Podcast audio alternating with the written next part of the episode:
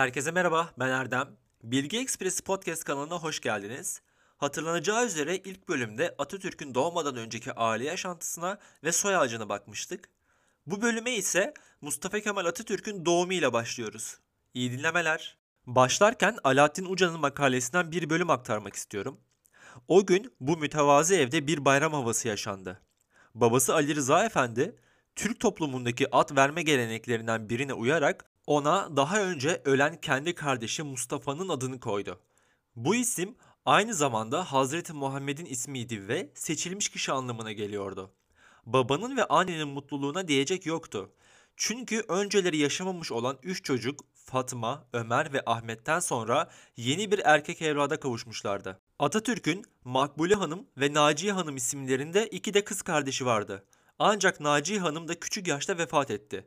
Atatürk, kardeşi Makbule Hanım, annesi Zübeyde Hanım ve babası Ali Rıza Efendi ile birlikte Selanik'te mutlu bir çocukluk dönemi geçirdi. Sonunda tahsil çağına geldi. Her çocuk gibi onun da okuması gerekiyordu. Annesi eski geleneklere uyularak ilahilerle mahalle mektebine başlamasını ve hafız olarak yetiştirilmesini istiyordu. Babası Ali Rıza Efendi ise o zaman Selanik'te yeni bir eğitim sistemi uygulanan Şemsi Efendi Mektebi'ne devamını arzu ediyordu. Atatürk 1887 yılında 6 yaşındayken önce geleneksel merasimle Hafız Mehmet Efendi'nin mahalle mektebine kaydedildi. Bu suretle annesinin gönlü yapıldı ve arzusu yerine getirildi. Bir süre sonra Atatürk buradan alınarak çağdaş eğitim yapan Şemsi Efendi Mektebi'ne kaydedildi. Böylece babasının da arzusu gerçekleşmiş oldu. Aslında Atatürk'ün çocukluk yıllarında karşılaştığı bu durum eski ile yeninin tartışmasıydı ve ileriki yaşantısını dahi etkileyecek bir olaydı. Annesi eskiyi, babası ise yeniyi ya da geleceği temsil ediyordu ve bu olay ülkenin gelecekteki değişiminin habercisiydi. Atatürk bu konuyu Ankara'da kendisiyle bir görüşme yapan Vakit Gazetesi yazarı Ahmet Emin Yalman'a şöyle anlattı. Çocukluğuma dair ilk hatırladığım şey okula gitmek meselesine aittir. Bundan dolayı anamla babam arasında şiddetli bir çatışma vardı. Annem ilahilerle okula başlamamı ve mahalle okuluna gitmemi istiyordu. Gümrükte memur olan babam o zaman yeni açılan Şemsi Efendi'nin okuluna gitmemi ve yeni yöntemlere göre okumamı yeğe tutuyordu. Nihayet babam işi ustaca çözdü. İlk önce bilinen törenle mahalle okuluna başladım. Böylece annemin gönlü yapılmış oldu. Birkaç gün sonra da mahalle okulundan çıktım, Şemsi Efendi'nin okuluna yazıldım. Bu olay Atatürk'ün kişiliğine de etkili olmuş ilginç bir olaydır. Atatürk bu vesileyle kadının Türk toplumundaki yeri hakkında ilk dersi de babasından almış oldu. Atatürk'ün Şemsi Efendi okulunda öğrenimine başlaması bir şanstı. Çünkü o okulda günün şartlarına göre çok yetenekli öğretmenler vardı.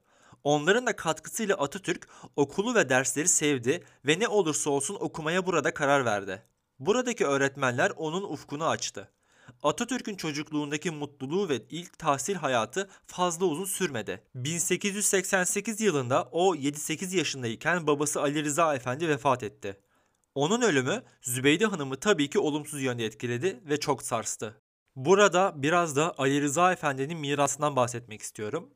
Şer'i Mahkeme tarafından 13 Nisan 1887'de tutulan kayıtlarda Ali Rıza Efendi'nin varisleri Eşi Zübeyde Hanım ile çocukları Mustafa, Naciye ve Makbule'dir. Şer'i mahkemenin tespitlerine göre Ali Rıza Efendi ailesine şahsi eşya olarak 145 kuruş değer biçilen birkaç parça eşya ile bir iki kitap ve 35 bin 10 kuruş değerindeki evi miras bırakmıştır. Nuri Efendi adına bir şahsa da 28.800 kuruşluk bir borcu olduğu belirlenmiştir defni için 55 kuruş harcandığı ve 28.800 kuruşluk borcun ödenmesinden sonra Zübeyde Hanım'a mihr bedelinin bir kısmını karşılamak üzere 751 kuruş ödendiğini belirtmiştir. Ayrıca 553 kuruşluk delalet masrafı 140 kuruşluk vergi masrafı ödendikten sonra arta kalan 4410 kuruş mirasın şehri kanuna göre aile fertleri arasında paylaştırıldığını tespit etmiştir. Buna göre Zübeyde Hanım'a mirasın %12'sini oluşturan 551 kuruş, Mustafa Kemal'e %44'ünü oluşturan 1929 kuruş, kızların her birine de %22'sini oluşturan 964 kuruş miras kalmıştır. Ali Rıza Bey'in ölümünden sonra Zübeyde Hanım ve çocukları için zorlu bir süreç başlamıştır. Ancak bununla birlikte Zübeyde Hanım çaresi de değildi. Çünkü nihayetinde kocasından kendisi ve çocuklarına biri 9 odalı yani pembe ev, diğeri 5 odalı bitişik olan ev olmak üzere iki ev miras kalmıştı. Ancak edindiğim bilgilere göre Zübeyde Hanım Ali Rıza Bey'in vefatından sonra pembe evi birkaç yıllığına kiraya verip küçük evde ikamet etmiş ve geçimini de bu kirayla sağlamıştır. Bu durum küçük evin 18 Ocak 1888 tarihinde Abbas Ağa kızı Zehra'ya satışı gerçekleşene kadar bu şekilde devam etmiştir. Bu olay en çok Atatürk'ün hayatını değiştirdi ve onun kişiliği üzerinde önemli rol oynadı. Çocuk yaşta yetim kalması onda güçlenme içgüdüsü ve kendi kendine karar verme yeteneğini ve çocuk sevgisini geliştirdi. Ekonomik açıdan da sıkıntıya düşen Zübeyde Hanım, o sırada 7 yaşında olan Atatürk'ün tahsilini durdurmaya ve kızı Makbule'yi de yanına alarak kardeşi Hüseyin Efendi'nin yanına gitmeye mecbur kaldı. Atatürk'ün dayısı Hüseyin Efendi, Langaza civarına Rapla köyünde yaşıyordu. Atatürk buraya geldiğinde köy hayatını hiç yadırgamadı. Bu durumda şöyle anlatırdı. Babam öldükten sonra annemiyle birlikte dayımın köyüne gittik ve oraya yerleştik. Dayım tam manasıyla bir köy hayatı geçiriyordu. Çocukluk bu ya, ben de o hayata derhal karıştım ve çok da hoşuma gitti. Dayım çiftlikte kahyalık ediyordu. Bana da vazife verdi. Benim başlıca işim tarla bekçiliğiydi. Kardeşim Makbule ile beraber bakla tarlasının kulübesinde oturur, tarladan kargaları kovalamakla meşgul olurduk. Hatta bir gün hiç unutmam Makbule ile yoğurt yiyorduk. Aramızda kavga çıktı. Makbule'nin başını tuttum, yoğurt çanağının içine soktum. Yüzü gözü yoğurt olmuştu. Kişisel özellikleri o günlerde şekillenmeye başlayan Atatürk, Makbule Hanım'ın ifade ettiği gibi çiftlikte hiç boş durmuyor, kendi oyuncağını kendi yapıyor ve devamlı meşgul olacak bir şeyler buluyordu. Ancak birkaç deneme yapılmasına rağmen eğitimi konusunda olumlu gelişme sağlanamıyordu. Bir ara civardaki Rum okullarından birine verilmek istendiyse de sonradan bundan vazgeçildi. Çiftliğin yazıcısının verdiği derslerden de pek hoşlanmadı. Zira kendisine ders verecek kişileri yetersiz buluyor, beğenmiyordu. Bazen de çocukça yaramazlıklar yapıyor ve çoğu zaman yalnız kalmayı tercih ediyordu. Atatürk'ün köy hayatı bir süre böyle devam ettikten sonra Zübeyde Hanım oğlunun okulsuz kalmasından müteessir olarak endişelenmeye başladı. Onun tahsiline çok önem veriyordu ama asker olmasını istemiyordu. Bu yüzden Atatürk'ü Selanik'e götürerek Hacı Şükrü Efendi Mülkiye Rüştiyesi'ne kaydedilmesini sağladı. Atatürk'ün okuldaki Kaymak Hafız adlı öğretmeniyle bir husumeti oldu. Ancak bu okuldaki Kaymak Hafız adlı matematik öğretmeni bazı kaynaklarda Arapça öğretmeni diye de geçmektedir. E, edindiği husumet bir dayak olayıydı ve okulda giyilen kıyafetler de Atatürk'ü rahatsız etti. Ve büyük annesi Ayşe Hanım onu bu okuldan çıkardı. Bir diğer bilgiye göre ise sinirli halde eve geldi, odasına kapandı ve dört gün boyunca bir kelime dahi konuşmadığıdır. Beşinci gün evden çıktı, aynı sokakta komşuları olan binbaşı Kadri Bey'i buldu. Askeri okula gitmek için yardım istedi, sınav kaydını yaptırdı, Selanik askeri rüştiyesine yazıldı. Atatürk çocukluk hayatının bu bölümünü ise şöyle ifade ederdi. Annem okulsuz kaldığım için kaygılanmaya başladı. Nihayet Selanik'te bulunan teyzemin yanına gitmeme ve okula devam etmeme karar verildi. Selanik'te mülkiye rüştiyesine yazıldım. Okulda kaymak hafız adında bir öğretmen vardı. Bir gün sınıfımıza ders verirken ben bir çocukla kavga ettim. Çok gürültü oldu. Öğretmen beni yakaladı, çok dövdü. Bütün vücudum kan içinde kaldı. Büyük annem zaten okulda okumamı istemiyordu. Beni derhal okuldan çıkardı. Atatürk çocukken arkadaşlarıyla sokakta oyunlar oynar ve bu oyunlarda hep önderlik ederdi. Mesela bazen kaçma kovalamacı oyunları oynarlardı. Arkadaşlarının bir kısmı kaçan kişiler olurken diğerleri ise onları kovalayan güvenlik görevlileri olurdu. Atatürk o dönemde de arkadaşlarının liderlik eder ve oyunlarda hep galip gelirdi. Özellikle arkadaşları ile askercilik oynamaktan çok mutlu olurdu. Askercilik oynarken Atatürk'ü hep komutan seçerlerdi karşısında hazır ola geçen arkadaşlarına çeşitli görevler verirdi. Arkadaşlar ise emredersin komutanım diyerek Atatürk'ün söylediklerini yapardı. Aynı zamanda arkadaşları oyunlar içerisinde karşısında hazır ol da beklerdi. Onları sıraya sokar ve aynı zamanda uygun adım yürütürdü.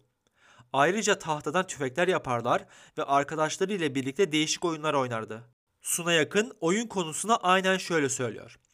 Kız kardeşi Makbule Hanım'ın hatıralarından bir oyun oynadığını öğrenmiştim. Kırılmış ağaçların parçalarını bir araya getirerek evler yaparmış. Bunlar arkadaşları ile beraber içine girebileceği oyuncak evlermiş. Kız kardeşini baş köşeye oturtur, ona meyveler getirirmiş. Hatta bir oyun esnasında içine yaktıkları ateşten dolayı oyun evi yanmış ve kız kardeşini ateşler içinden çıkarmış. Atatürk'ün eğitim hayatı Atatürk'ün Hacı Şükrü Efendi Mülkiye Rüştiyesi'nde dayak olayından biraz evvel bahsetmiştim. Sonrasında Atatürk asker olmak istiyordu ama annesi bunu kabul etmiyordu. Bu nedenle Atatürk annesine söylemeden komşuları binbaşı Kadri Bey'in de teşvikiyle sınava girdi ve başarılı olarak 1893'te 12 yaşında Selanik Askeri Rüştiyesi'ne kaydoldu. Bazı kaynaklarda bu tarih 1894 olarak da ifade edilmektedir. Böylece hayatında yeni bir dönem başladı. Atatürk bu dönemin başlamasını ise sonradan şöyle anlatırdı. Karşımızda binbaşı Kadri Bey adında bir kişi oturuyordu. Oğlu Ahmet Bey askeri rüştiyeye gidiyordu ve okul elbisesi giyiyordu. Onu gördükçe ben de böyle elbise giymeye hevesleniyordum. Sonra sokaklarda subaylar görüyordum. Bu dereceye ulaşmak için izlenmesi gereken yolun askeri rüştiyeye gitmek olduğunu anlıyordum. O sırada annem de Selanik'e gelmişti. Askeri rüştiyeye girmek istediğimi söyledim. Annem askerlikten korkardı. Asker olmamı şiddetle karşı çıktı. Giriş sınavı zamanı ona sezdirmeden kendi kendime askeri rüştiyeye giderek sınav verdim. Böylece anneme karşı bir oldu bitti yapmış oldum. Annesi Zübeyde Hanım'ın o günlerde rüyasında oğlunun eline altın tepsiyle bir minareye çıktığını görmesi, onun istikbali için bir hayır alameti, parlak bir istikbali müjdecisi olarak tabir edildi. Gerçekten de öyle oldu ve milletin istikbali de onunla parladı. Atatürk'ün çocukluğu hakkında şüphesiz ki en önemli kaynak olan annesi Zübeyde Hanım onun çocukluğunu şöyle anlatırdı. Mustafa'm küçücük çocukken bile gayet temiz giyinirdi. Adeta büyük bir adam gibi tavırlar alır, herkesle büyükmüş gibi konuşurdu. Mahalle çocukları sokakta oynarlarken onların taş, sapan gibi sokak oyunlarına, ayak atlamalarına, koşmacalarına itifat etmez, onlara bir nevi istifhafla önem vermeme gibi anlamlandırabiliriz bunu, bakardı. Onun kendisine mahsus bir benliği vardı. Ellerini pantolonun cebine koyarak ve başını yukarıya dikerek konuşması daima hepimizin nazarı dikkatini celbederdi. Ne kadar nazik, ne kadar sıkılgan bir çocuktu. Size tarif edemem. Konu komşu herkes onu çok severdi. Çok zeki bir çocuktu. Evet, o bir çocuktu. Annesinin tabiriyle zeki bir çocuktu. Fakat önceki mutluluğu bozulmuştu. Babasını kaybetmişti. Yani yetim büyüyordu. Ülkenin durumu da pek farklı değildi. Büyük bir hızla çöküşe doğru gidiyordu. O Selanik'te dayısının kahyalık yaptığı çiftlikte tarlalarda topraklarla haşır neşir oldu ve çocukluk yıllarının zorluklarıyla vatan idealini perçinledi ve kendini askeri eğitiminin ilk aşaması olan Selanik askeri rüştiyesinde buldu. Zübeyde Hanım, Tanrı'nın bana bu oğlu vatanı kurtarmak için gönderdiğine inanıyorum diyordu. Biz devam edelim. Eğitim süresi 4 yıl olan Rüşdiye'nin 3. sınıfını aldılar. Arkadaşları arasında hemen kendini gösterdi. Matematiğe bilhassa meraklıydı. Az bir zamanda bize bu dersi veren öğretmen kadar belki de daha çok bilgi edindim. Dersler üstünde problemlerle uğraşıyordum. Yazılı sualler hazırlıyordum. Matematik hocasının da yazılı cevap verirdi. Hocamın adı Mustafa'ydı. Bir gün bana, oğlum senin de adın Mustafa, benim de. Bu böyle olmaz. Arada bir fark bulunmalı. Bundan sonra senin adının sonuna bir Kemal ekleyelim dedi. İsim konusu beni pek tatmin etmedi ve biraz daha araştırma yaptım. Edindiğim bilgilerin kaynağı doçent doktor Durmuş Yılmaz şöyle söylüyor. Okulda adı Mustafa olan matematik öğretmeni adlarımız karışıyor diyerek bu çalışkan öğrencinin adına olgun anlamına gelen Kemal adını da ekledi. Burada yalnızca birkaç örneğini aldığımız bu anlatımlardan çıkan ve kesin olan şudur. 1. Selanik askeri rüştiyesinde adı Mustafa olan bir matematik öğretmeni vardır. 2. Öğrenci Mustafa'nın adına öğretmeni veya öğretmenleri tarafından ikinci bir ad olarak Kemal eklenmiştir. Fakat Kemal adının neden ve neye dayanılarak verildiği kesin değildir. Anlatımlarda geçen senin adınla Mustafa benim de. Bu böyle olmaz. Senin adın bundan sonra Mustafa Kemal olsun. Ya da senin adınla Mustafa benim de. Adlarımız karışıyor. Bundan sonra senin adın Mustafa Kemal olsun şeklindeki açıklama tatminkar değildir. Zira geçmiş zamanlarda da günümüzde de öğretmeniyle aynı adı taşıyan yüzlerce ve hatta binlerce öğrenci bulunurken herhangi bir okulda az önce anlattıklarıma benzer bir gerekçeyle bir öğretmenin öğrencisinin adını değiştirdiğine veya yanına eklemeler yaptığına pek fazla rastlamıyoruz. Hal böyleyken adlarımız karışıyor veya Senin de Mustafa benimki de şeklindeki açıklama olsa olsa bu gelişmeyi sonradan kaleme alanların zihinlerine mantıksal bir açıklama yapmak ihtiyacından doğmuş olmalıdır. Bu izah şeklinin bilimsel gerçeklerinin saptırılması veya benzer yanlış anlamalara yol açması gibi bir sakınca da söz konusu olmadığı için yıllardan beri tekrar edilmeye ve yeni nesillere bu şekilde öğretilmeye devam edilmiştir. Bulgaristan Türkleri tarafından yayınlanan Ziya isimli bir gazetenin 19 Temmuz 1922 tarihli nüshasında Mustafa Kemal Paşa Hazretleri başlıklı bir yazı gördük. Yazı Mustafa Kemal Paşa'nın özgeçmişiydi. Yazıda bugün Türkiye'de bilinenler ile ciddi bir farklılık yoktur. Yalnızca bu yazıda Mustafa Kemal'in doğum tarihi 1880 olarak verilmiş ve sonraki yıllarda da buna bağlı olarak Türkiye'de Atatürk'ün özgeçmişini veren kitaplardaki bilgilere göre bir yıl önce gösterilmiştir. Mesela Atatürk'ün Harbiye'den mezuniyeti 1901, akademiyi bitirmesi de 1904 olarak verilmiştir. Bazı kitaplarda Harbiye'den mezuniyetin tarihi 1902, akademiden mezuniyetin de 1905 olarak verilmektedir. Fakat asıl farklı bilgi Atatürk'e Kemal adının verilmesi hakkındadır. Ziya gazetesinin verdiği özgeçmişte Kemal adı hakkında şu bilgi vardır. İptidai tahsilden sonra Selanik askeri rüştiyesine dahil olan Mustafa Efendi az bir zaman zarfına gösterdiği harikalarla muallimlerin nazar dikkatini celp etti ve riyaziyatta, Fransızca ve edebiyatta birdenbire yükselen Müşari Nüleyhin ismine muallimleri tarafından Şehidi Hürriyet namı Kemal Bey'e izafeten bir de Kemal namı verildi. Bu yazıdan anlaşılmaktadır ki Selanik Askeri Rüştiyesi öğrencisi Mustafa Efendi'ye Kemal adının verilmesi edebiyattaki başarılarından dolayı Namık Kemal'e izafeten olmuş ve ona Kemal adı öğretmenleri tarafından verilmiştir. Ziya gazetesindeki özgeçmiş 1922 yılında yani Atatürk'ün hayatta olduğu bir zamanda yayınlanmıştır. Büyük bir ihtimalle Atatürk bu yazdan haberdardır. O halde bu bilgiyi doğru kabul etmekte bir sakınca yoktur. Ayrıca Atatürk'ün çeşitli ortamlarda da konuşmalarını zaman zaman Namık Kemal'in şiirleriyle süslediğini biliyoruz. Bunu meclis konuşmalarında da yaptığını zabıt ceridelerinden anlıyoruz. Çocukluk arkadaşlarının anlattığına göre Rüştiye'deyken Kulekapı mahallesinde bir kızla aşk hikayesi olmuştur. Akşamları okuldan çıkar çıkmaz eve koşar, esvaplarını ütületir, zıp zıp oynayan çocukları seyretmek bahanesiyle kızı pencereden görmeye gidermiş. Bu da Atatürk hakkında böyle bir anıdır. O dönem annesi Zübeyde Hanım abisine daha fazla yük olmak istemiyordu ve ikinci kez evlenmeyi düşünüyordu. Mustafa Kemal askeri rüştiyedeyken Selanik'e gelen ve Mora eşrafından iki oğlu ile iki kızı olan 32-33 yaşlarındaki Ragıp Bey adlı bir rejim memuruyla ikinci evliliğini yaptı. Ragıp Bey iç güveysi olarak eve geldi. Mustafa Kemal bu evlenmeyi bir türlü içine sindirememişti. Mustafa Kemal o sırada 15 yaşındaydı. Yani bir ergendi diyebiliriz. Evi bırakarak Horhor mahallesinde oturan halası Emine Hanım'ın yanına gitti. Manastır askeri idadisine gidinceye kadar anasının evine pek az uğradı. İkinci bölümü şimdilik burada bitirelim. Sonraki bölüme Atatürk'ün lise yıllarından başlayacağım. Beni dinlediğiniz için teşekkür ederim. Hoşçakalın.